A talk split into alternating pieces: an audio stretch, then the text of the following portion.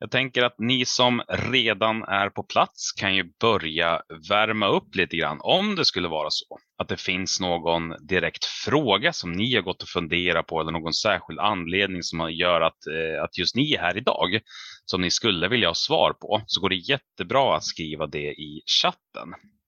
Och så kommer vi då göra vårt bästa för att försöka väva in det. Vi har ett ganska o Eh, strukturerat samtal på många sätt. Det är ganska öppet. Vi har ett gäng frågor som vi har tänkt att vi ska prata om, men det finns gott om utrymme att också väva in mycket annat. Så skulle det vara så att ni har någonting som ni har gått och finulat på så är det bara skriva det så gör vi vårt bästa för att fundera och resonera kring det.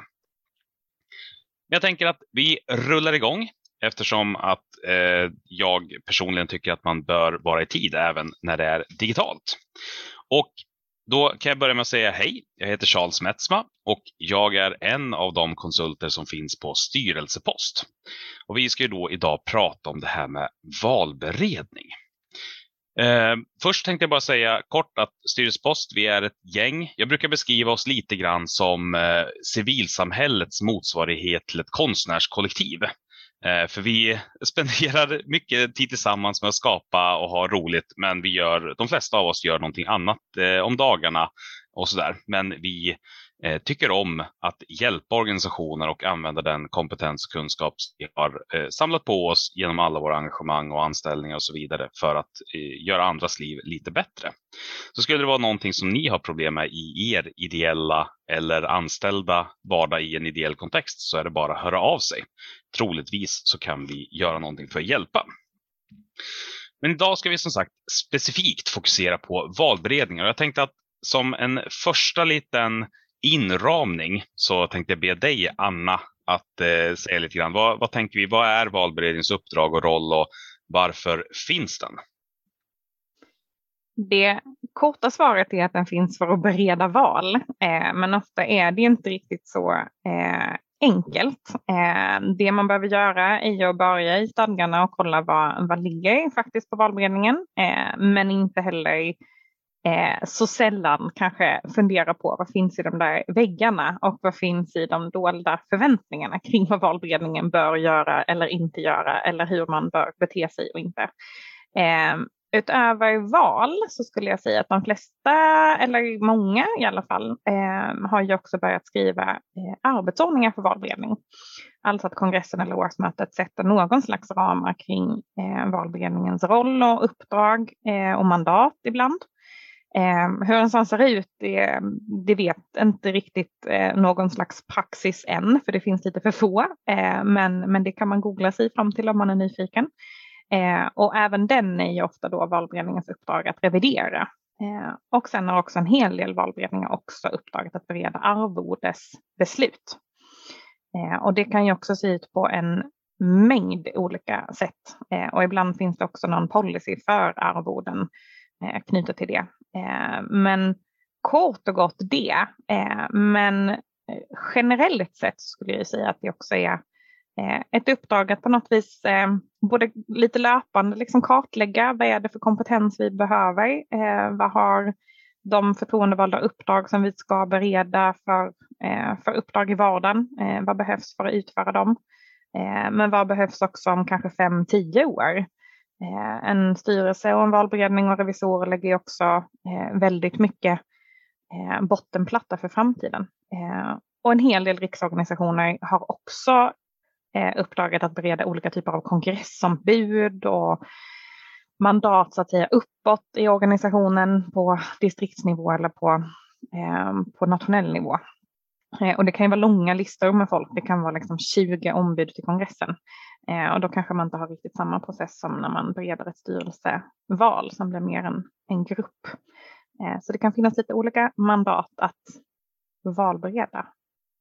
Men lite kort, typ så lite mer än att bara fråga sittande styrelse om de vill fortsätta sitta helt enkelt. Ja, verkligen. Det är ju någon slags miniminivå att man åtminstone tillfrågar alla som sitter i styrelsen. Det händer ju i sig då och då också att det inte sker. Så glöm inte den bara för att vi kanske raljerar lite om den. Men, men, eh, men det är långt ifrån bara det. Men, men glöm inte det.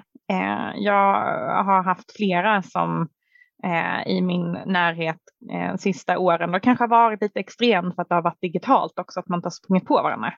Eh, men där det faktiskt kommer kommit som en överraskning att jag inte är föreslagen som omval och det kommer först i valberedningens förslag. Eh, och det är ju inte så, eh, så himla snyggt det heller. Men, men tar jag gärna en bit därifrån också, att inte bara göra det. Och även om man inte har en, det är inte obligatoriskt att, att åter, vad heter det, att föreslå någon bara för att den redan har varit invald heller. Precis, alla, vi är ju förtroendevalda många av oss också, alla är vi valda på en mandatperiod.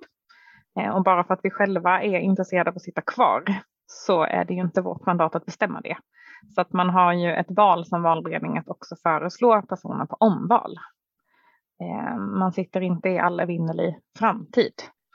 Eh, och här tycker jag att man som valberedning har ett extra uppdrag kanske att vårda språket lite. Man avgår inte när ens mandatperiod är slut. Eh, man ställer upp för omval, man sitter inte kvar och så vidare. Eh, det är lite semantik, men det är också medlemmarna väljer oss faktiskt.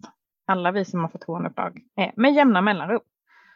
Och ofta väljer de om men inte alltid. Toppen! Jag tänkte att vi också, vi är inte eh, ensamma här. Som ni som hänger med oss live ser ju att vi är fyra personer som är spotlightade. Vi har ju också då Samuel och Mikaela.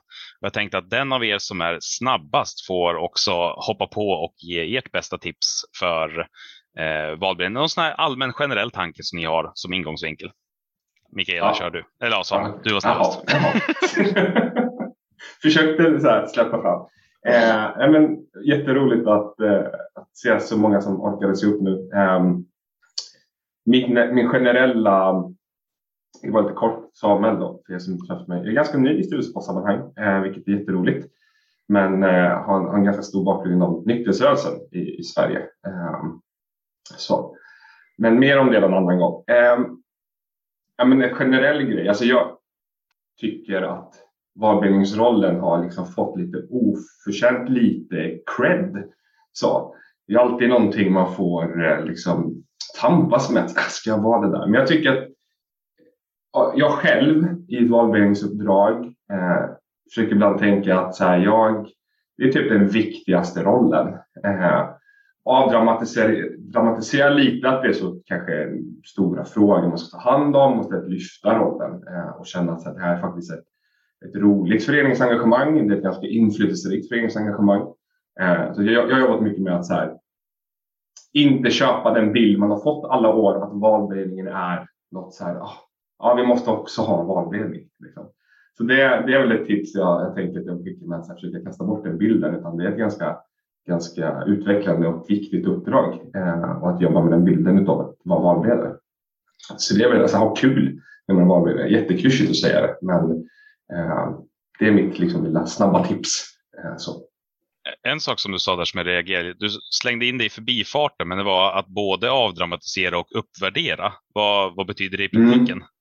Jag tänker då att det inte ska vara så kännas så, så allvarligt eller så betungande att få det. Det är så liksom ett uppdrag som ingen vill ha och det är eh, jättemycket att göra sista veckan och, och allt det där som man kan ibland få höra på ett årsmöte. Eh, och av att också känslan av att det är ingen som vill vara valberedare ibland. Eh, att så här, varför, varför vill ingen det? Eh, utan snarare så här, nej men det, det är fan ett ganska inflytelserikt och eh, nice uppdrag eh, i det långa loppet. För att man är med och, precis som du sa, man är med och bereder någonting som ska liksom, få medlemmarnas förtroende. Eh, det är ganska stort. Så det tänker jag. Tack så mycket. Tack. Mikaela. Ja, hej, jag heter alltså Mikaela och jag har varit eh, med i styrelsepost, jag vet inte, två, två och ett halvt år kanske, någonting sånt. Um, så mitt tips kanske hakar i lite också med Samuels det här med att ha roligt och det här är kanske någonting jag lyfter med de flesta grupper jag möter är att inte vara överambitiösa eller ha orealistiska förväntningar på ens arbete och ens uppdrag och vad man kan åstadkomma. Um, de flesta som jag träffar och som vi träffar är ju engagerade människor som liksom vill alltid göra ett bra jobb, ett bra uppdrag och liksom få till ett bra resultat. Um, men vi vet ju också att liksom förutsättningarna runt omkring oss är inte alltid perfekta eh, och en organisation är inte perfekt och det finns alltid områden man behöver jobba och utveckla. Ehm, men att inte försöka utveckla alla samma år. Liksom. Man kan inte göra allting varje, i varje grupp eller varje mandatperiod. Um, så det finns ju liksom mycket tips och tricks att det här är bra att jobba på det här sättet, de här olika delarna. Um, men jag tror att det är bra att fokusera på att välja ut några saker under sin mandatperiod som man vill kanske jobba med att lägga extra fokus på att utveckla och att försöka identifiera de sakerna som kan ge mest effekt för att kunna utveckla valberedningens arbete framåt. Ehm, och det här kan egentligen funka lika bra för en styrelse eller en annan grupp också, men Eh, för det blir inte så kul om man känner att vi vill jobba på det här sättet och göra det på det här idealet lite. Ehm, så, och om man då aldrig riktigt når fram till det så känner man sig ofta lite misslyckad och känner att man ligger efter eller inte gör ett bra jobb. Och då blir inte uppdraget så roligt. Ehm, och jag tror också att det är roligt att ha, viktigt att ha roligt i sitt ideella uppdrag för att liksom göra det bra och vilja fortsätta dessutom eh, gärna. Ehm, så det är liksom mitt generella tips. Så om man, inte, då man då känner att det är någonting som inte fungerar precis som man skulle mm. vilja, att inte gå från noll till perfekt på en och samma gång, utan tänka mm. att vi bygger för framtida generationer av engagerade i den här organisationen. Exakt, precis så. Jag tänkte slänga in min egen också och det som jag brukar börja med när jag pratar valberedning är eh, någonting ganska detaljerat och det är nämligen hur man ställer frågan Eh, för att det är ganska ofta som, som frågan ställs på ett sätt som kanske inte nödvändigtvis inspirerar. Eh, jag själv och jag vet många andra med mig som har fått frågan kan du tänka dig att ställa upp som? Eh, och det är ju en fråga som lite grann i sig själv eh, indikerar att det här är någonting som du offrar dig för. Det här är någonting som ingen annan vill. Det här är någonting du kommer eh, att säga ja här är bara ett tecken på att du är jag-svag egentligen. Så att försöka hitta ett sätt att ställa frågan mer inspirerande och ofta så finns det en ganska tydlig tanke också om man närmar sig någon. Att man har sett att du har gjort det här bra eller du är intresserad av de här bitarna. Att man också väver in det i frågan så att den personen som får frågan vet varför har just jag blivit tilltänkt och också kan känna lite stolthet istället för nej jag ska se, oj oj oj. Så tänk på hur frågan ställs, brukar jag prata om.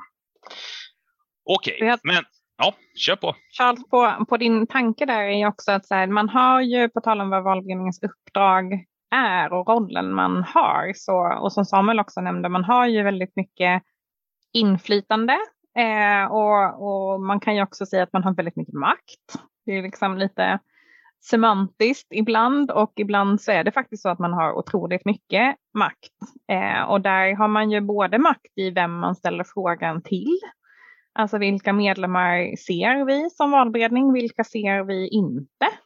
Vad är det vi ser eh, och, och liksom vad är det vi ibland kanske skiter i att titta på eh, och faktiskt bestämmer oss för att vi har för många av något.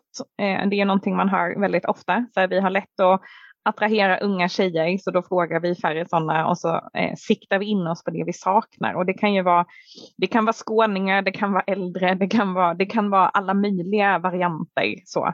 Ibland så står det i ens arbetsordning vad det är för, eh, för mångfald man ska ta hänsyn till eller så har man själva på något sätt myslat fram det där. Eh, men just att valberedningen har makt tror jag att man måste förhålla sig till. Eh, och både och då skulle jag säga genom hela processen, alltså hur vi ställer våra frågor, eh, hur vi sen håller våra intervjuer, vad vi sållar bort, vad vi lyssnar på och inte. Eh, och sen såklart den explicita makten i att lägga förslaget. Eh, och i många organisationer så skulle ju ingen ställa sig upp mot valberedningsförslag. Eh, och i andra organisationer så är valberedningsförslag det är ett förslag som alla andra förslag det spelar ingen jättestörre roll för resultatet. Eh, för att det vet vi att det händer massor när vi är på plats. Eh, eller så börjar positioneringen redan innan valberedningen har lagt ett förslag, alltså när nomineringarna börjar trilla in och bli officiella. Eh, det är ganska vanligt i, eh, i alla fall i fackföreningssfären, eh, Eh, att medlemstidningarna gör ett eh, litet utspel med eh, de som har räckt upp handen till valberedningen, alltså rena nomineringar innan valberedningen har sagt sitt. Men sen är ju de flesta organisationer ganska noga med att kommunicera valberedningens förslag. Men även processen dit kan ju kantas av ja, både maktspel men också eh, helt enkelt så som demokratin funkar. Eh, vi, vi ska berätta om, om man är kandidat ska man berätta vad man kan och inte kan och är man valberedning så är det klart man ska berätta vad ens förslag är. Vilka styrkor och svagheter som finns såklart. Eh, men det är ju en makt och inflytande är någonting man behöver förhålla sig till. Eh, och det är ju både det, det roliga men det kan ju också gå fullständigt åt skogen med valberedningar som tar den där flaggan och springer way too långt. Eh, och verkligen över, all, över min döda kropp så ska vårt förslag gå igenom. Eh, och det, eh, det kan man ju liksom fundera på, vilken, vilken typ av makt man vill ha och hur man vill uppfattas i det, tänker jag. Eh, för inflytande är ju ett väldigt positivt ord. Makt är ju lite svårare ofta att förhålla sig till. Eh, men, men det blir viktigt genom hela processen att man har pratat ihop sig eh, kring vad betyder det hos oss. Eh, och inte minst kopplat till, för det tror jag att vi möter allihopa väldigt ofta, kopplat till liksom representation och kopplat till vilka förtroendevalda vill vi se. Jag jag tänker att vi ska grotta ner oss lite grann i det här med inkluderande och hur man säkerställer att man får en, eh, ett brett valberedningsarbete som, som når de flesta och bästa människorna. Men innan det så vill jag bara passa på att slänga in en liten påminnelse eftersom att vi har haft några nya personer som anslutit. Är det så att ni som sitter här och lyssnar har någonting särskilt som ni funderar över eller någon fråga eller någon tanke eller vad det nu är månne vara. Skriv den i chatten så kommer vi att försöka väva in den. Men nu fortsätter vi då på temat av hur jobbar vi som valberedning för att säkerställa att vi når många och inte bara vår bästa kompis. Har Mikaela eller Samuel någon tanke? Men jag springer gärna på den bollen. Eh, jag, det där är något som jag tänker generellt om vi lyfter upp det också en nivå och tittar på så här föreningslivet i Sverige, vilka attraherar det överhuvudtaget? Hur når vi ut med den traditionella föreningsformen och de uppdragen vi har? Eh, och det är ju inte världens enklaste form att förstå eller komma in i eller sätta i ett sammanhang. Eller hur, kommer jag liksom, hur blir jag ens, ens invald i en styrelse? Hur arbetar jag i en styrelse? Och för mig, född i en, en bruksort eh, utanför Jönköping eh, där så här, första maj-tåg marscherar varje första maj med levande orkester och det bor typ 5000 pers i Norrahammar. Eh, det är liksom ganska hög tradition av föreningsliv så det liksom kom med från barnsben att man engagerar i en förening. Men om vi tänker på andra platser där inte tillgängligheten till föreningslivet är på samma sätt, hur säkerställer vi då att vi får något rätt? Och det tycker jag vi är ganska dåliga på. Jag säger vi för att jag är också en del utav, utav det perspektivet. Och det kanske börjar med någonstans att så här, föreningens verksamhet och grund som vi lockar oftast är ganska liksom, homogen. Eh, vi hittar våra vänner, vi är en liten förening eller vi är en större organisation och vi pratar om att vi vill nå många men de som kommer på årsmötet sen, det är en ännu lite mindre klick av vilka det är som finns i föreningen. Eh, så det är en ganska svår utmaning som, är, som inte bara hänger på valberedningen. Jag tror det är det som är min poäng är alltså hela föreningen när vi pratar om tillgänglighet och inkludering och och att nå ut brett handlar ju också om att skapa en ganska stor bas eh, som också en valberedning sen kan vara representativ i. Så att det inte, det är där också någonstans vi måste vara, liksom, ha ett brett synfält. Eh, och tyvärr så är det väl sällan så. Eh, för att vi vet också att valberedningens nätverk är superviktigt och de medlemmar som är aktiva i nätverk är superviktigt och engagerade. Så jag tänker att någonstans är det bara att vara medveten om det. Att det är inte så att de som är att de som är på årsmöte är, väldigt dedikerade. Eh, men det är också en ännu mindre kritik som har hängt med på hur föreningslivet i Sverige funkar, hur mötesdemokrati och föreningsdemokrati fungerar. Eh, och då behöver vi nog lägga ner ännu mer arbete på att få folk att tycka att det är intressant att känna sig liksom, hemma i det också, vilket är ganska svårt eh, om man inte har någon relation till det under sin uppväxt eller eh, sin omgivning. Så, så det skulle jag vilja säga tänka ganska många steg över just det här hur får vi en, en inkluderande styrelse snarare hur får vi föreningen att bli mycket mer liksom, bred i det. Och det tar tid. Det är väl framförallt det också att man ska känna. Mm.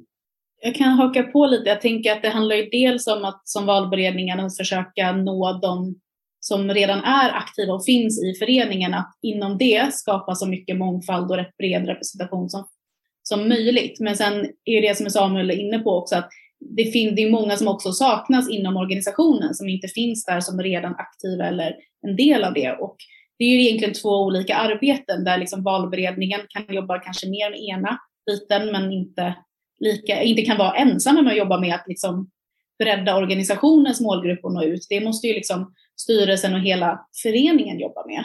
Um, och i slutändan, även om en styrelse jobbar med det och vill bredda det, så måste ju också de aktiva medlemmarna vara aktiva i det arbetet, uh, prioritera det och sen verkligen bjuda in och välkomna. Som, som du säger, det är inte en sån enkel fråga, utan det är något som kräver mycket resurser och långsiktigt arbete. Um, men då kanske man får fundera lite på, men hur kan man som valberedning ändå bredda sig så att man inte bara ringer sina kompisar eh, och de man redan känner som faktiskt finns inom organisationen. För att det kommer ändå troligen finnas en större bredd och mångfald av personer att nå ut till och som är potentiella kandidater än vad vid första anblicken finns också. Så jag tror att där behöver man också vara medveten om och prioritera att lägga tid på att lära känna en bredare del av föreningen och de som kanske inte är de som dyker upp på varje årsmöte eller konferens. Eh, och beroende på såklart en lokal förening, nationell förening, men försöka vara ute i olika delar av verksamheten och verkligen träffa och möta. Eh, gärna fysiskt nu kanske när, när restriktionerna släpper, hurra. Eh, så, men, men även ringa runt. Eh, så. Jag hade ett jättebra exempel på det, en lokal förening som igår ringde upp mig och de ringde upp alla sina medlemmar för att hälsa välkommen och kolla liksom, vill du engagera dig och liknande. Um, och det är ju tidskrävande, det är inget liten grej att göra, men det är också, är det en insats som ger ett par antal mer engagerade och då potentiella också kandidater till olika förtroendeuppdrag så är det också en väldigt välvärd insats eh, om man kan möjliggöra den prioriteringen och eh, fokuset under en period. Ja, men sär, särskilt eftersom att det är så pass många som ändå mm. eh, kan tänka sig att göra någonting men mm. som behöver aktiveras. Ja, man behöver få fråga, man behöver kanske liksom peppa, det här är ett roligt uppdrag, det här, vad är, finns det för möjligheter med det också? Eh, förklara hur det faktiskt funkar. För det är såklart, man kanske inte är så intresserad av ett uppdrag om man inte riktigt förstår, men vad innebär det här uppdraget egentligen? Eh, och jag tror att det, man når liksom inte mer än så långt med generell information som man kan länka till och som folk kan läsa in sig själva, utan man behöver ha den här direkta kontakten och dialogen om man inte vill nå dem, enbart de som redan är frälsta och väldigt mer erfarna och kunniga eh, och som redan har tagit sig över den tröskeln i något tillfälle. Eh, så där tror jag valberedningen verkligen kan vara en ja, möjliggörare och en väg in och sänka trösklarna för väldigt många eh, som kan verkligen göra stordåd tror jag på många platser. Eh, bara om man liksom lyckas hitta dem och ja, hjälper dem att komma, vilja testa och våga testa. Liksom. Men är en, en öppen och transparent nomineringsprocess en halleluja-lösning på hela problemet? Hur menar du? Vad menar du med det? Hur, på vilket sätt öppen transparent? Nej, men jag, jag, tänker, för att det är en sån sak som jag har upplevt ganska, det, det är klart att det inte löser hela problemet, men, men som ändå är väldigt positiv just för att många valberedningar eh, arbetar ju ganska slutet och för sig själva lite grann som ett hemligt sällskap i, i, inom föreningen. Eh, och i de fall där jag sett det har varit ganska trögstartat i många fall där man inte haft den traditionen att börja ha en mer transparent nomineringsprocess där alla löpande kan följa vilka är det som är nominerade och vilka är det som eh, finns överhuvudtaget för valberedningen att titta på. Samtidigt som när man väl har fått snurr på det så upplever jag att det också har gett möjligheten för fler att dels förstå att det överhuvudtaget kommer ske val, men också att se var och på vilket sätt kommer, utifrån det här urvalet, på vilket sätt kommer det inte bli bra? Eh, eller på vilket sätt kommer det bli bra? Jag vet inte om ni har några tankar kring det? Nej, men jag tror att det kan vara också ett sätt att, att dels att uppmärksamma att det sker ett val, eh, men också en, eh, vad ska man säga, e-, ett sätt att uppvärdera valberedningens arbete, att också se vilken mängd kandidater det handlar om, eh, oavsett om det är väldigt få eller väldigt många. Eh, jobbet kan ju vara, eh, vara omfattande eh, i båda de liksom, lägren. Eh, både att man ska ta ställning till många kandidater och, och inte så många. Eh, en del gör ju det genom att visa liksom hela processen, alltså eh, verkligen alla kandidaters svar på, på alla frågor och sådär. Eh, men sen eh, gör ju en del också det bara genom att ha namn, alltså att man helt enkelt har en, en öppen nomineringssida där man också kan se vilka som är nominerade sedan innan eh, och kunna, kunna fylla på så. Eh, och det är ju eh, det kan vara ett sätt. Eh, det kan också bara ge eh, kopiöst mycket maktspel och eh, positioneringar redan innan valberedningen ska sätta sitt förslag för att det liksom kuckeluras ute i liksom, eh, Sverige innan dess. Om det är en nationell organisation och, och valberedningen kan uppleva då på slutet att man inte har något val för att det är så många som har förhandsnominerat någon specifik. Eh, att det är svårt att välja den som har färre nomineringar för att det blir någon slags förhandsvotering. Liksom, eh, så att det kan, det kan vara en pusselbit. Eh, sen tror inte jag att man ska man ska liksom inte kopiera för mycket från andra organisationer utan att fundera på vad har vi för kultur själv och hur ska vi, eh, hur ska vi liksom nå Eh, man, man, lite som Mikaela säger, man flyttar inte liksom Rom över en natt, utan man, man, man petar lite på den. Och ibland så är det ju så att man får, får ta eh, en liten liksom, bit av kakan i, i taget innan man är framme. Eh, och någonting som funkar i en organisation kan ju funka väldigt dåligt i en annan.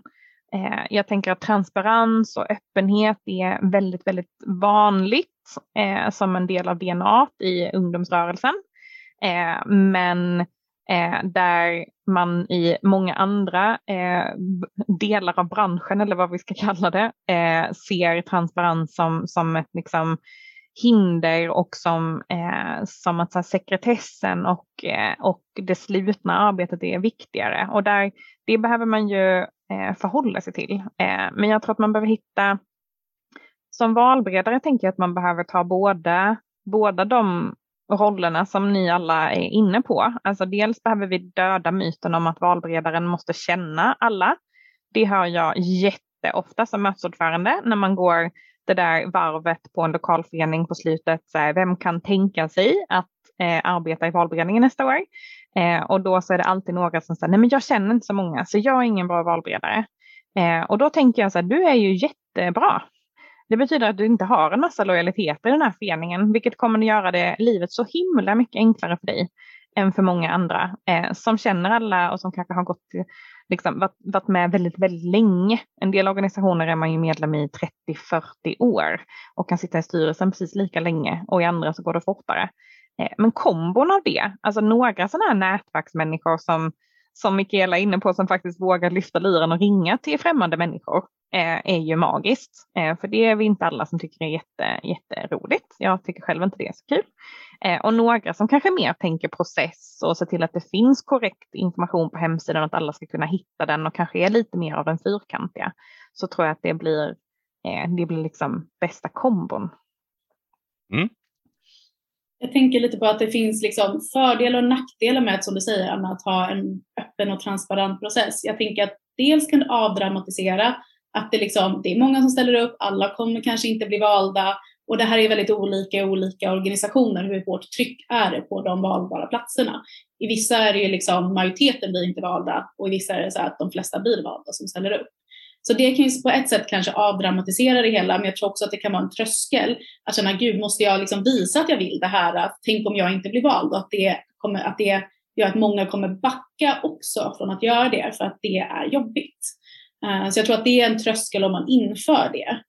Eh, det jag gillar med att liksom visa det är att jag tror många tänker att nej, men någon annan räcker nog upp handen när man, får, när man ställer en fråga. Vilka vill liksom ställa upp på det här uppdraget? Eh, men men ibland är det bra att visa att det kanske inte är någon som räcker upp handen. Och även om ideellt engagemang också är väldigt mycket så lust och glädje, det ska vara meningsfullt, man ska vilja detta, det ska vara givande, så är det också liksom till viss del, tänker jag, på gott och ont, eh, liksom lite plikt och lite så här, men någon måste ställa upp och göra det. Och det är inte dåligt heller. Eh, för att, ja, men då ser man, är det någon annan som gör det här eller kommer ingen göra det här? Då? Och det kan vara bra att bara det blir synligt, för det kan vara okej att det här, okej, ingen är intresserad av det här uppdraget, inte så bra om det är en styrelse, men det är i alla fall bra att tydliggöra och synliggöra att så är det, oavsett varför eller om det är så. Um, jag tänker att det är också en positiv grej att det syns. Är det någon som är intresserad av det här? Hur ser det ut eller inte? Och att det liksom på något sätt också bidrar till mer kunskap om läget i föreningen och kring det här uppdraget ehm, och vad engagemanget är. Och det tror jag är viktigt. Att, det tror jag är positivt om det kommer fram. Yes. Och eh, jag ser inte Samuel som sträcker sig efter avmutningsknappen, så då rullar vi vidare. Vi har nämligen fått in en fråga från våra eh, deltagare här på livemötet. Och då är eh, den frågan som vi har fått först, hur mycket och på vilket sätt borde den nuvarande styrelsen och ordförande involveras i valberedningsarbetet? Jag börjar hugga på den där. Eh, nej men så jag, jag är själv ordförande i två föreningar just nu. En eh, nationell stor patientförening och en eh, liten samfällighetsförening där jag bor. Eh, jag tycker att det bästa jobbet oftast blir gjort eh, när man eh, involverar utifrån vilken roll man har såklart. Inte att styrelsen går in och, och gör valberedningens jobb eller att, eller att valberedningen för den delen går in och gör anspråk på, på styrelsens arbete, utan att man hittar ett sätt att, att samarbeta. Det är klart att jag som jag tycker att jag som ordförande och min styrelse är liksom valberedningen skyldiga de svar som de behöver för att fixa sitt arbete.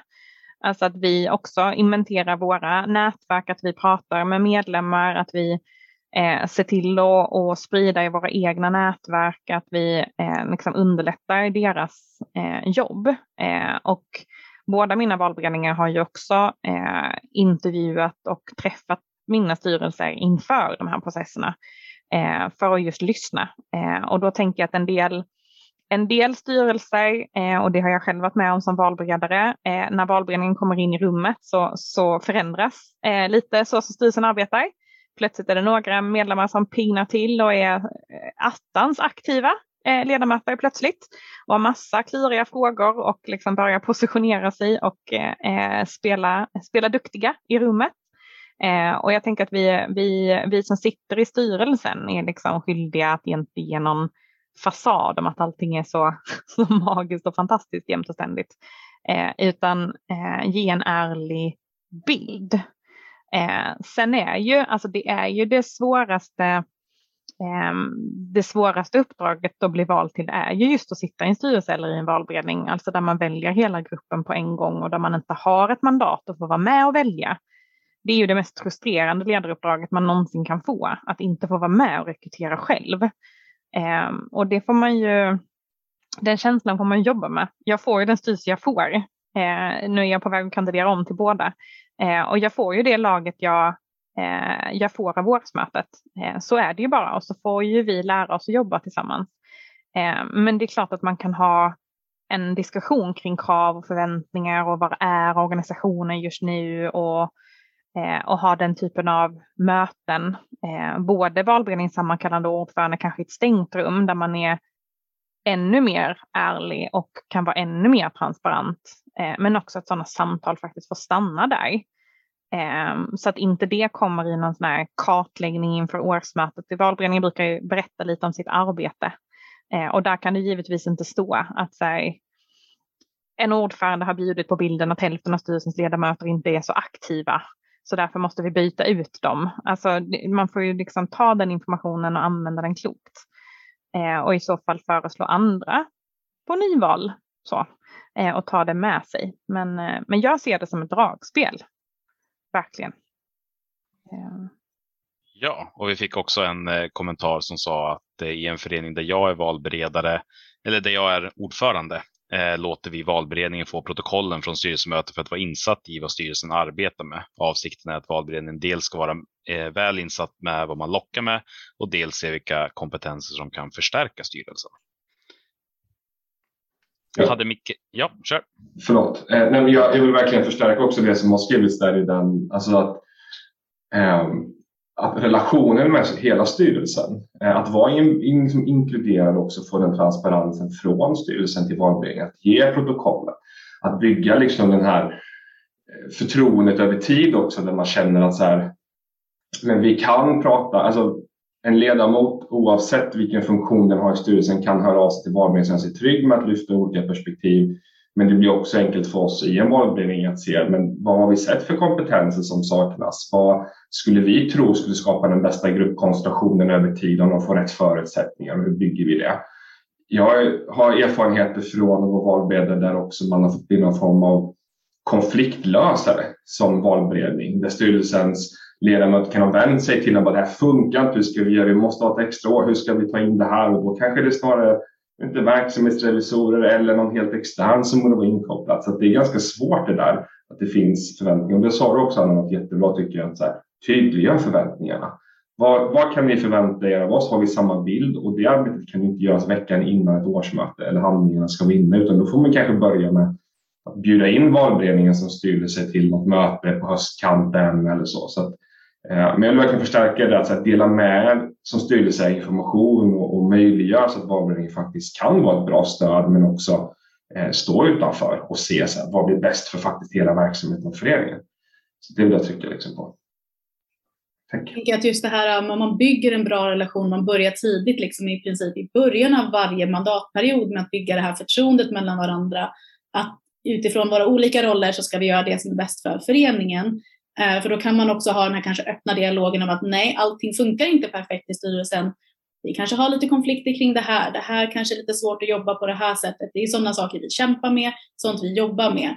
Men så att man också som styrelse vågar vara öppen och ärlig med att allt inte är perfekt utan att tänka att valbilden kommer kanske övertolka det och tro att nej, men då ska vi inte omnominera någon av de här för att det funkar inte perfekt i den här gruppen. För grupper är inte perfekta, grupper har utmaningar. Eh, så. Och det är också viktigt att låta grupper jobba och ha de här processerna eh, och utvecklas eh, och inte tänka att vi ska sätta ihop den perfekta gruppen och då kommer det funka perfekt från början. För det kommer det inte göra. Eh, och då tror jag just det här förtroendet och dialogen tidigt, liksom, att man har gjort det under lång tid så att Eh, så att den finns där när man börjar närma sig årsmöte och liksom göra eh, att valberedningen ska lägga sitt förslag. Ehm, det tror jag är väldigt viktigt. Och ha en realistisk bild på att allting inte är perfekt utan så bra som det går. Precis. Eh, vi har en annan fråga också. En del valberedningar ställer själva upp som ombud i det aktuella valet som de har varit med om att bereda. Hur ser ni på det? Alltså det där är ju hyfsat vanligt att man, att man har liksom pusslat in folk i valberedningen som man egentligen skulle låtit bli för att man skulle vilja välja dem till styrelse eller så. Eh, och där tänker jag att man får titta på eh, vilka typer av, vad ska man säga, vilka mandat går att kombinera. Eh, för pratar vi om till exempel ombud, säg att, eh, att vi, vi nu sitter i en, en Stockholmsstyrelse som ska nominera ombud till, eh, till kongress nästa år Eh, och i Stockholm ska vi ha eh, 28 ombud. Eh, då kanske det kan vara så att det slinker med en valberedare för att vi vill ha de bästa och de som är liksom initierade. Och i de bästa av världar så tänker jag att valberedningen inte är eh, båda och. Men jag har full förståelse för att det blir så. Eh, däremot så finns det ju andra uppdrag som jag skulle säga praxismässigt inte är förenliga. Alltså uppdraget som revisor och, och styrelse till exempel. Eh, det kan man de facto inte vara.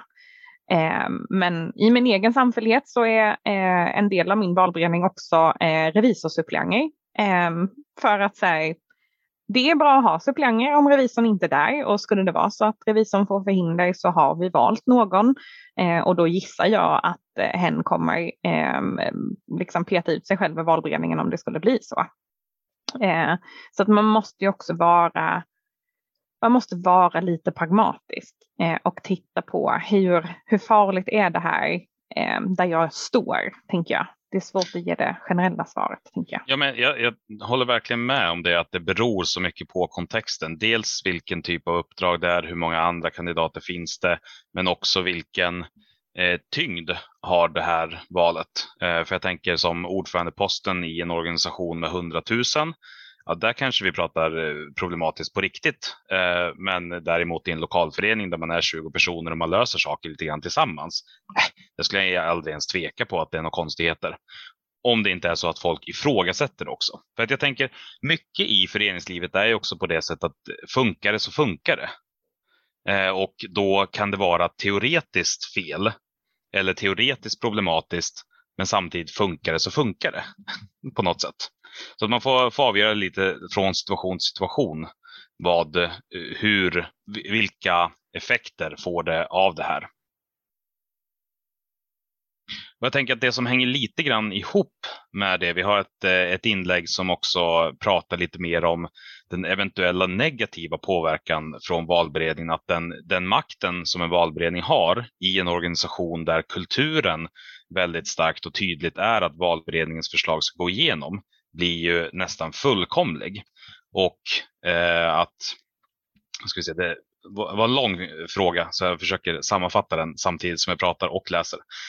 Eh, men, men just att det där, om, om kulturen är att det finns en väldigt då stark valberedning, man går på valberedningsförslag ofta och att det då blir eh, ett problem, särskilt då eftersom att en valberedning inte nödvändigtvis är eh, professionella rekryterare som har en supertydlig process kring allting.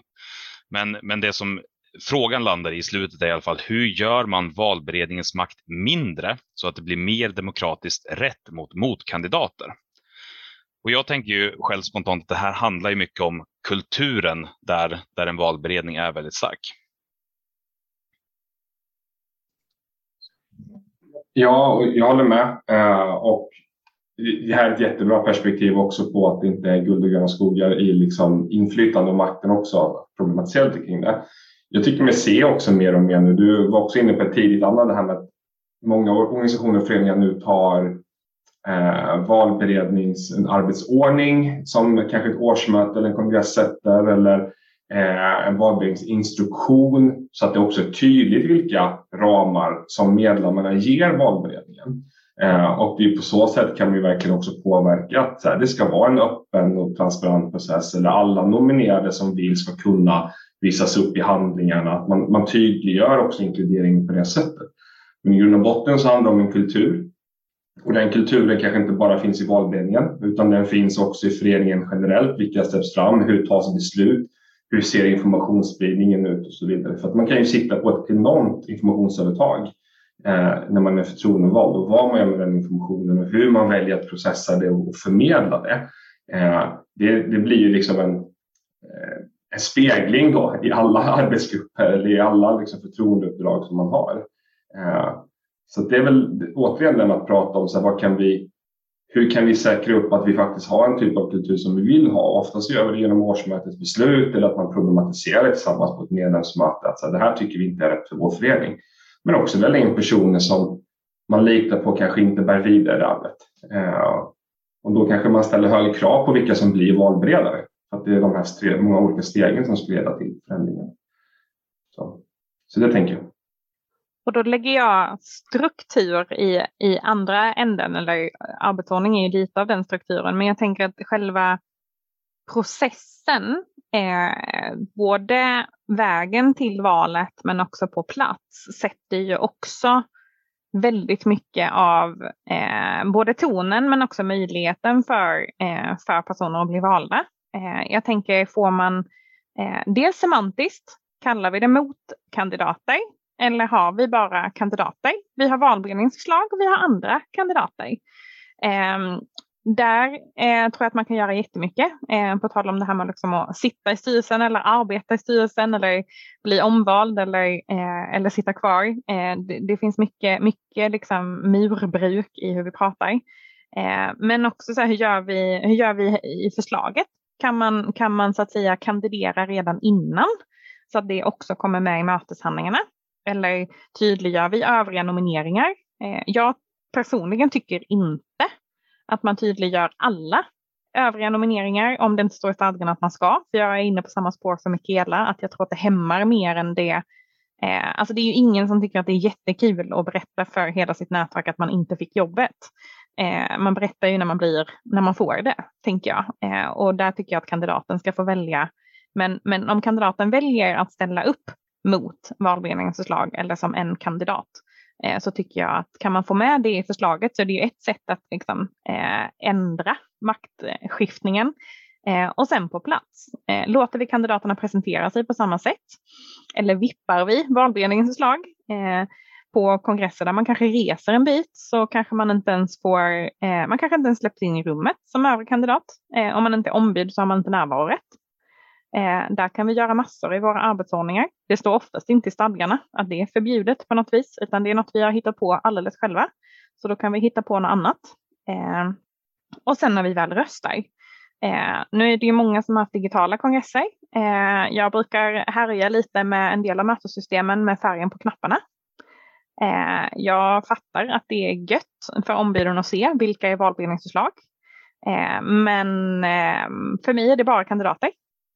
Eh, så att eh, är det så att vi genomför mötet så att säga live så, så finns det tid att fråga eh, helt enkelt.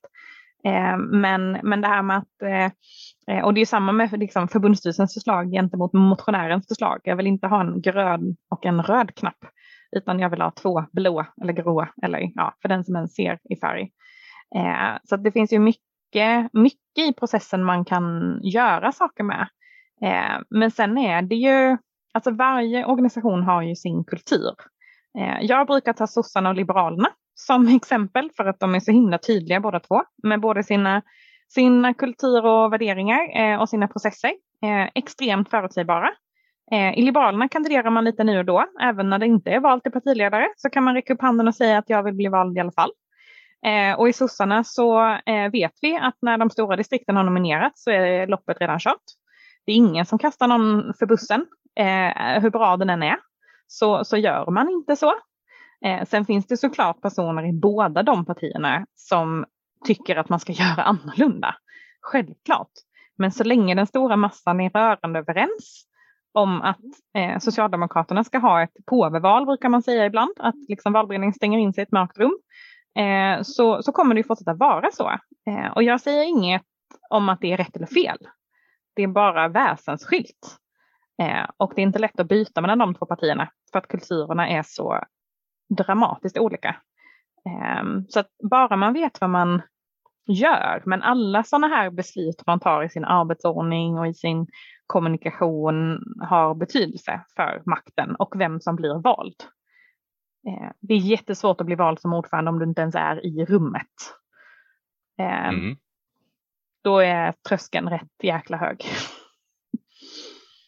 Och jag tänker att en, en fråga som också knyter an till det här som har varit uppe en del i, på dagordningen de senaste veckorna är ju just det här hur väljer vi valberedning? För jag tänker att det är också en sån sak som då blir väldigt relevant i sammanhanget om man upplever att man har en destruktiv kultur kring valberedningen och dess makt. Och det finns ju massor. Jag tror att det här är en av de frågorna som, som vi inte på hundra år i civilsamhället har lyckats lösa en slags grundstruktur kring som vi är överens om att det här är hyfsat eh, normalt och bra. Utan vi har allt från att det sker direkt på plats. Vilka vill vara med nu? Och så sitter man och väntar tills folk eh, inte klarar av tystnaden längre och det var de som blev valberedare.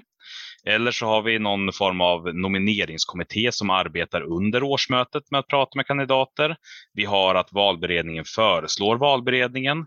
Vi har eh, en eh, särskild valberedning som väljs för att välja för, lägga fram förslag på valberedning och massa olika varianter däremellan. Vad eh, har vi för särskilda tankar kring hur vi egentligen får fram en valberedning? Mikaela, vill du börja? Ja, alltså som du tidigare säger, det finns som med det mesta så finns det mer än ett sätt och det viktigaste är att det funkar i praktiken i den organisationen. Ehm, för mig känner jag att det bästa kanske är att försöka undvika att vänta till sittande årsmöte och hoppas på att någon räcker upp handen på plats. Jag tänker att det är bra att försöka börja lite tidigare än så kanske eller ha någon mer typ av process kring det. Men det finns ju allt från att välja en valberedningskommitté som jobbar under själva årsmötet, om det är flera dagar. Det är väl vanligare skulle jag säga i nationella, större föreningar eller att valberedningen bereder och lägger ett förslag eller liksom presenterar de här är villiga att ställa upp som kandidater på något sätt. Um, så, så jag tänker det viktigaste är väl att man gör det. Att man, jag tänker att det, det största risken är att man tappar bort det. Att man fokuserar så mycket på att bereda val till alla andra förtroendeuppdrag och sen glömmer man bort det, men, och valberedningen som ju är en av de viktigaste förtroendeuppdragen. Så att, jag tror det viktigaste är att hitta ett sätt och det finns inte rätt eller fel. Um, så. Ja, jag tycker också det är fint att det har blivit ett sådant problem för det betyder någonstans att man har förstått att så här, valberedningen spelar ganska stor roll. Eh, och vi kan inte bara låta det slå det med en tärning, vilket vissa faktiskt gör också. Slå en tärning och så ser man vilka som blir i rummet. Eh, det jag tänker, eh, och nu kommer jag återigen ta det långa perspektivet, oavsett om det är en liten förening eller en stor, stor förening, det är ju att om styrelsen och verksamheten jobbar med att inkludera många medlemmar, se till att man tycker att det är meningsfullt att engagera sig i sin kontext, då tror jag det kommer komma också. Att så här, folk känner en vilja av att så här, jag vill ställa upp, jag vill bidra till föreningen på det här sättet. Och då kanske det till slut blir, inte blir så stort problem. För att det finns alltid någon som väljer att räcka upp handen till att jag vill vara valberedare eller för vidare det arvet av att det är en viktig position. Liksom. Så det skulle jag liksom, i ens roll, och då kanske som styrelseledamot också när man blir vald till det, fundera över vad gör jag i uppdraget som inkluderar fler medlemmar i vår verksamhet, få en insyn i vår verksamhet och som gör att någon tycker det var kul att vara med och bereda nästa gång en styrelse ska väljas. Men annars är det verkligen så här. Det som funkar i den lilla kontexten, kör på det. Jag tycker att man ska förvänta sig att större organisationer verkligen säkerställer att det är en process för val och valberedningen som inte gör att man cementerar gamla strukturer. Eh, och det, det kan ju vara jättesvårt att sätta sig hur det, det, ska se ut. Så då får man väl titta på vad är mest inflytelserikt för medlemmar att påverka på. Eh, men på lång sikt jobba med att faktiskt få människor att känna att jag vill ställa upp på det här. Eh, och det är inte liksom det sista uppdraget man prioriterar utan det kanske är ett av de, de högre uppdragen. Jag håller verkligen med vad som redan är sagt. Jag skulle vilja slå ett slag för att låta valberedningen bereda val till valberedningen. Eh, valberedningens uppdrag är att bereda val. Varför inte bereda det viktigaste valet vi ska göra, nämligen valet till valberedning? Eller minimum tvinga dem att ta in nomineringar. För det handlar ofta, tycker jag, om valberedningens, liksom så här, vi vill inte ha mer att göra. eh, och det är också lite knöligt eh, och lite svårt. Eh, och hur ska vi göra det här när vi är valberedning? Så att motståndet finns oftast valberedningen själv. Eh, och då kan ju ett första steg vara att man åtminstone har möjlighet att nominera innan vi sitter där på mötet. Eh, om man inte lyckas med den liksom kulturen som Samuel är inne på, att det inte är ett problem, att vi har flera som, som räcker upp handen och att vi, vi hittar människorna i rummet. Eh, den värsta konstruktionen eh, jag har varit med om är att styrelsen tar på sig det här uppdraget att föreslå valberedning. Eh, det kan funka. Det är också kontextberoende. Är det det här fina samtalet mellan styrelse och valberedning och vi bara är pragmatiska och löser eh, utmaningarna vi har så går det alldeles utmärkt. Men jag har också varit med om att man har från styrelsens sida nominerat tre säkra kort utifrån att man själv vill bli omvald. Eh, och sen plötsligt är, är liksom innan vi går därifrån så är valberedningen åtta pers för att medlemmarna är eh, noga med att få in fem till som inte bara kommer hålla med styrelsen hela året utan vågar kanske eh, ta i lite mer från tårna och kanske eh, vara lite mer konfrontativa och inte bara eh, fyllas av liksom nepotism och eh, eh, att man eh, gör som man alltid har gjort. Eh, så att det kan bli hur tokigt som helst. Eh, för det hänger ju också lite ihop med, vi fick en fråga i chatten också alldeles nyss om det här med att det kan finnas förväntningar på att valberedningen ska vara ett organ, organ som också framför kritik och också förklarar varför man väljer bort folk och liksom att man, att man tar det offentligt. Och det är ju det svåraste med valberedningens uppdrag. Eh, för jag brukar säga att man, man nominerar dem man nominerar och förklarar varför man har valt dem. Man kommenterar inte sådär eh, i detalj kring varför någon inte blir vald. Eh, och det har ju blivit extra jobbigt skulle jag säga digitalt. Eh, det är klart att man kan i kaffekön mellan fyra ögon med någon man känner eh, berätta något i förtroende. Men när vi har haft digitala kongresser och årsmöten så har ju det där blivit jätteknasigt. Jag har haft flera möten där både valberedningen har blivit pressade av den här karaktären och då också svarat pass. Men också har valt att utveckla varför. Eh, och det blir sällan bra eh, att göra det så att säga från scen. Eh, och det är klart att om valberedningen då är i, eh, i ett år som inte är fantastiskt så är det svårt att, att bereda val till valberedning. Eh, men då får ju årsmötet också lösa det. Eh, och jag tänker att man kommer runt Valberedningen bereder val och lägger förslag, men väljer ju inte. Så att om det är så att det är fel valberedning som tycker att här, vi har inga problem så vi föreslår att jag, Mikaela och Samuel går på omval och alla vet att vi har havererat under året. Då får man ju se till att golvnominera Charles som får gå in och reda ut det där åt oss. Eller helt enkelt våga, våga ta den fighten så, eh, på förväg. Eh, så att jag tänker att årsmötet, årsmötet har makten och behöver ta den om det blir så. Men, men våga lita på era valberedningar. Jag håller jätte, jättemycket med om den biten och min personliga favorit är också att det är valberedningen som föreslår en ny valberedning.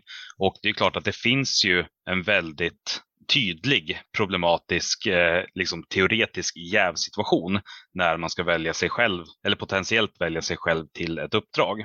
Men i min värld så har alltid det problemet varit mycket mindre än att vi får en slumpmässigt vald valberedning. Och precis som Anna sa också, är vi inte nöjda, då sparkar vi ut dem. Och det är upp till, det, det är också medlemmarnas ansvar att se till att de förtroendevalda funktionerna finns och fungerar. Det måste vara ett samspel. Och att, eh, det jag brukar säga också är att om, om man inte litar på att valberedningen kan, hitta, kan eh, föreslå en valberedning kan vi då lita på att de kan föreslå en styrelse. Om de inte är kompetenta att hitta och föreslå personer. Och är det så att man liksom har en utmaning så se till ni som är styrelseledamöter och lyssnar och snarare inte är valberedare själva. Se till att era valberedningar har budget för att ses, har verktyg för att ses digitalt, har kompetens. Eh, skicka liksom böcker och tips åt deras håll. Alltså se till att de är kittade för sitt uppdrag. För vi lägger kopiöst mycket energi och tid och pengar på att introducera styrelser i sina uppdrag. Styrelseutbildning är jättevanligt. Valberedningsutbildning är inte alls lika vanligt. Eh, så att se till att de har de verktyg som de behöver. Eh, antingen i samtal och dialog med er som kloka människor eh, eller att de helt enkelt hittar forum där de kan, kan hova i den här kompetensen som ändå finns. Det finns ju organisationer som är jätteduktiga på valberedningsarbete. Toppen! Och då är det ungefär två minuter kvar av utsatt tid, vilket betyder att vi börjar, det börjar bli dags att avrunda hur kul vi än har det. Jag tänkte bara kolla, finns det någon så snabb 30 sekundare, någon ny tanke som har dykt upp som man bara vill skicka med, som kanske inte nödvändigtvis är ett svar, men som är någonting för folk att fundera vidare på, eller som är någonting mer konkret. Ni får välja eh, själva om ni har någonting som sitter i huvudet. Det jag tänker i alla fall, det är att eh, jag tror att vi fortfarande är kvar i att vi behöver prata om att valberedningen är viktig. Trots att jag har hört det gans sägas ganska länge så känns det inte som att vi har haft genomslag ännu. Och det är därför det börjar kännas lite tjatigt att säga att de valberedningen är ett av de viktigaste uppdragen. Och det blir nästan lite ihåligt för att det har sagts så länge utan att det blir skillnad. Men jag tror ändå att vi behöver fortsätta påminna oss om det just för att det inte är så i praktiken ännu i de kontexter jag möter. Och vill man ta ett sånt där pytt jättesteg. ni är många som är på väg in i årsmötessäsong, tacka av era valberedare. Alltså jag vet inte hur många kongresser och årsmöten jag leder där man tackar av styrelsen med blommor och choklad och tacktal och sådär. Och valberedningen de bara smiter ut. Så gör de här liksom små mikrogrejerna som, som gör att valberedningens roll faktiskt blir den där viktiga som vi säger hela tiden.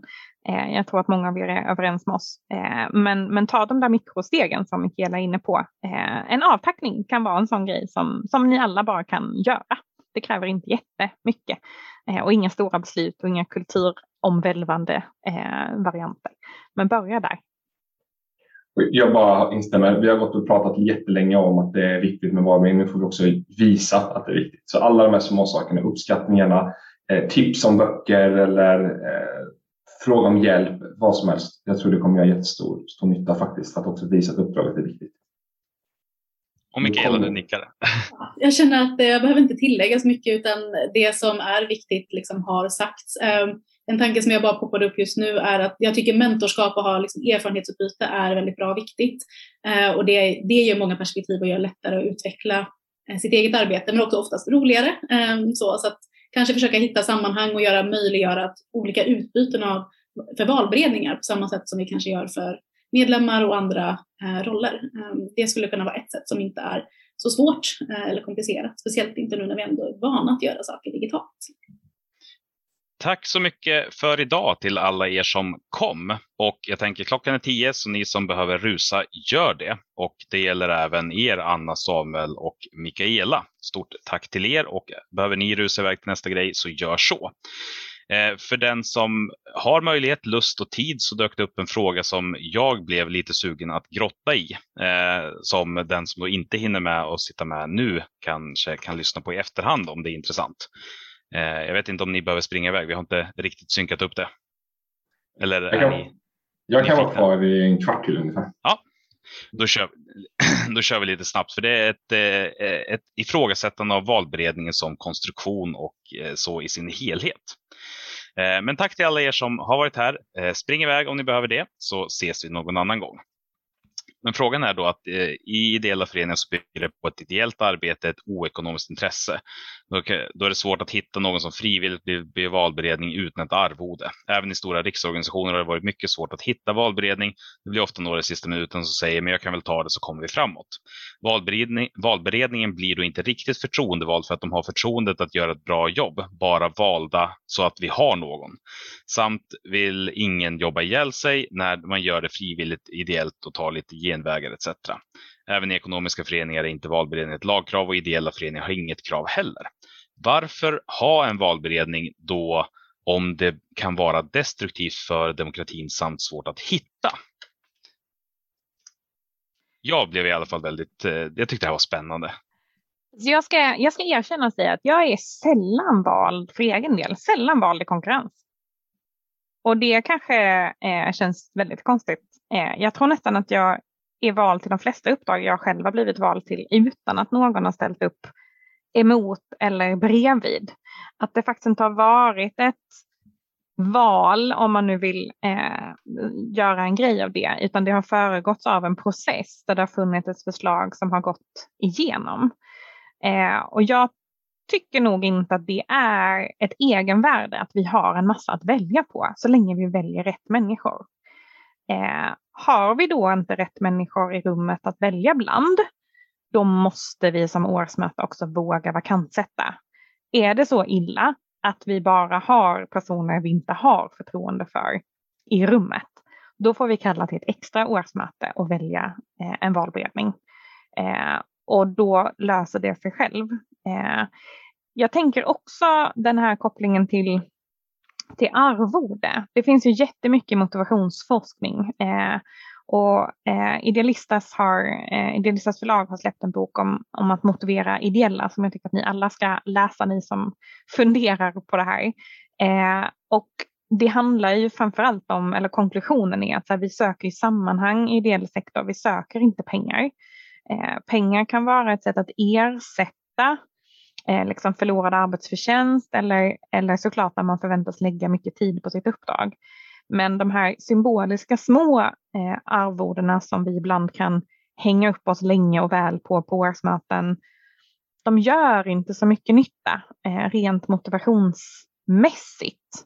Eh, det kan kännas bra i magen att alla får arvode, men, men jag tycker att man ska fundera på om det inte är liksom utbildning och verktyg man i så fall eh, behöver för att göra sitt jobb. Jag tror att alla, vill, alla som är förtroendevalda vill kunna vara det och känna att man tar sitt ansvar. Att man har, att man har de verktyg man behöver för att kunna göra det. Eh, så jag tror inte alls att det hänger ihop med, med arvoden. För mig är det tvärtom, fråga. Tvärtom så har det ju kunnat visats i flera studier just att en liten symbolisk summa kan till och med vara demotiverande. Just för att då hänger man upp sig på en extern motivation istället för en intern. Och jag tänker också att en del i det här problemet som beskrivs i den här situationen, det handlar ju också om just att eh, hur processen kring att utse valberedningen går till. Att det inte är eh, då fullt ut eh, uppvärderat och tas på allvar på det sättet som valberedningen bör göra, utan det är någonting som sker på plats på årsmötet nästan sist när alla vill åka hem och man bara väntar på då vem är det som säger ja först. Eh, och då tror jag att det är bättre att fundera kring hur mycket energi och tid ligger vi på att uppvärdera styrelse eller andra uppdrag och visa och verkligen visa att det här är något som är viktigt där man gör en stor insats för det man tror på. Eh, att man också lägger den tiden och energin kring eh, valberedningen så att det blir mer Eh, för, för, jag håller med om grundproblemet. Alltså om, om det bara är så att vi slumpar ut människor, de känner inte motivation i grunden, nej men då kan valberedningen vara någonting eh, potentiellt sämre eller destruktivare än att ha inte en valberedning. Och jag, jag tänker också på så här, valberedning i, i dess form. Jag har inte forskningen kring hur den kom till, men jag tänker behovet jag har av att det finns en, en struktur på något sätt av saker och ting. Det är väl ett sätt för också liksom medlemmarna att känna att det finns en struktur kring processen att välja någon. Men om det kommer upp andra alternativ så tror jag att det inte skulle vara främmande om en förening känner att det här, är faktiskt, det här funkar bättre för oss att vi ägnar en halvtimme på ett årsmöte att eh, speedfråga eh, varandra om man skulle göra det här uppdraget eller inte.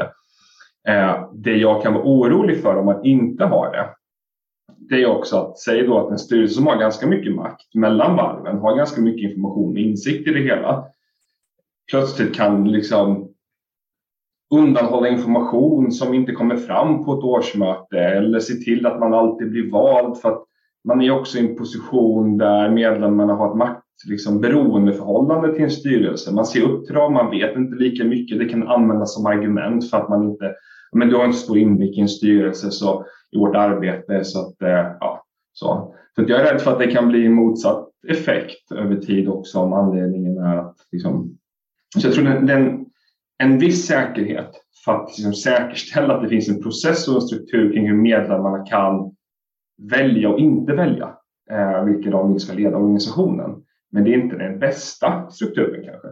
Eh, finns massa former som skulle kanske fungera jättebra i, i olika kontexter. Så eh, jag tror, ja, men jag, jag tänker just det där, att jag, jag, är mer orolig för faktiskt vad en styrelse och vad de kommer lägga fram och vad de kommer använda sitt mandat till kan vara destruktivt över tid än att eh, man jobbar på att få en valberedningsuppdrag att kännas liksom viktigare eh, och göra det viktigare. Jag tänker också lite som Anna sa, att även om det inte finns en stor mängd kandidater att liksom göra ett urval mellan så kan ju fortfarande valberedningen spela en otroligt viktig roll i att liksom ändå ha den här urvalsprocessen och ha den här lite rekryteringsprocessen i att se är den här personen lämplig eller inte. Sen kan det vara olika kompetent, den kan ha olika styrkor, olika svagheter och vara olika det, mycket det man söker efter eller idealt skulle vilja ha. Men bara för att en person inte är precis det man önskar betyder inte att den kommer göra ett dåligt jobb. Men en valberedning kan ju framförallt ha, även om det bara finns en kandidat, att granska den kandidaten och se är den här direkt olämplig? Finns det någonting hos den här kandidaten som gör att det här ska vi inte välja oavsett om det är den enda personen som står till förfogande? Så. Eh, och det har man inte en valberedning så har man ingen sån säkerhetsventil och det är väl också liksom den risken som, som alltid kommer med att folk kandiderar om sig på golvet direkt på ett årsmöte och inte har varit en del av en eh, process, eh, beredningsprocess överhuvudtaget är att i vissa fall så blir det ju så att den personen kanske visar sig i efterhand vara väldigt olämplig av olika skäl och det har framkommit i efterhand och inte blivit bra. Um, så därför så är liksom valberedningen oavsett antalet kandidater man har att bereda val fyller en viktig funktion uh, för demokratin och för liksom föreningen. Uh, och också som en liksom motpol och en makt, att liksom balansera makten så att inte styrelsen är de enda med makt och inflytande i föreningen. Jag tänker också att det finns en, vi har inte varit inne jättemycket på det, men det finns ju också en jätteviktig poäng i att valberedningen också förbereder alla kandidater för det uppdraget de ska gå in i.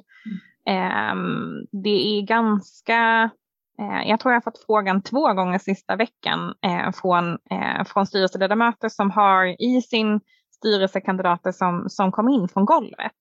Men som, eh, ja men ni vet när man är på kongress, man kan få så här kongressfeeling och så här, gud vad roligt det här var yes, åh vad kul, det här vill jag göra till vardags. Eh, och så liksom kommer man in i styrelsen och har ingen aning om vad man ska göra. Eh, det kanske är en setup där man ska ta otroligt mycket ekonomiska och juridiska beslut som man inte alls hade tänkt sig. Eh, eller att det finns ett tryck att en organisation ska positionera sig, att så här, det är ett nederlag om inte vår organisation har en, eh, en representant i styrelsen. Det kan vara eh, Skånedistriktet eller det kan vara en, en organisation som är medlem i en organisation eller ja, vad som helst. Eh, av olika anledningar kan man hamna där att man, att man kandiderar eh, vid sidan om eh, valberedningsförslag. Eh, och då har inte alla de kandidaterna fått samma information som jag hoppas att valberedningar ger om hur ses styrelsen, hur ofta, hur, liksom, hur mycket handlingar är det att läsa, vad är det för typ av, av frågor man hanterar, vad är, vad är liksom viktigt, vad, vad skaver, vad är, vad är svårt, vad är, vad är enkelt, eh, hur, hur jobbar man? Eh, sen kan ju allt det såklart förändras när man kommer in i en ny grupp. Som Mikaela sa, att grupper är ju det mest oberäknade vi har att hantera i den här sektorn. Eh, de kan ju plötsligt prestera fantastiskt. Eh, så att det där som var förra året jättejobbigt blir jättelätt. Men, men om vi ändå utgår från att organisationen har behållit sitt syfte och sin verksamhet eh, som är lite mer konstant över tid så är det också en viktig del, tänker jag, där, de, där de kan spela en väldigt viktig roll. Så att snarare försöka om det är en organisation där valberedningen kanske inte riktigt har tagit sitt ansvar och har varit de vi vill att de ska vara, liksom demokratins väktare och ge schyssta förutsättningar, så se till att kitta dem så att de blir det. Eh, och i värsta fall som Charles var inne på innan, släng ut dem och välj nya. Om det är personer som har hamnat fel. För så kan det ju vara.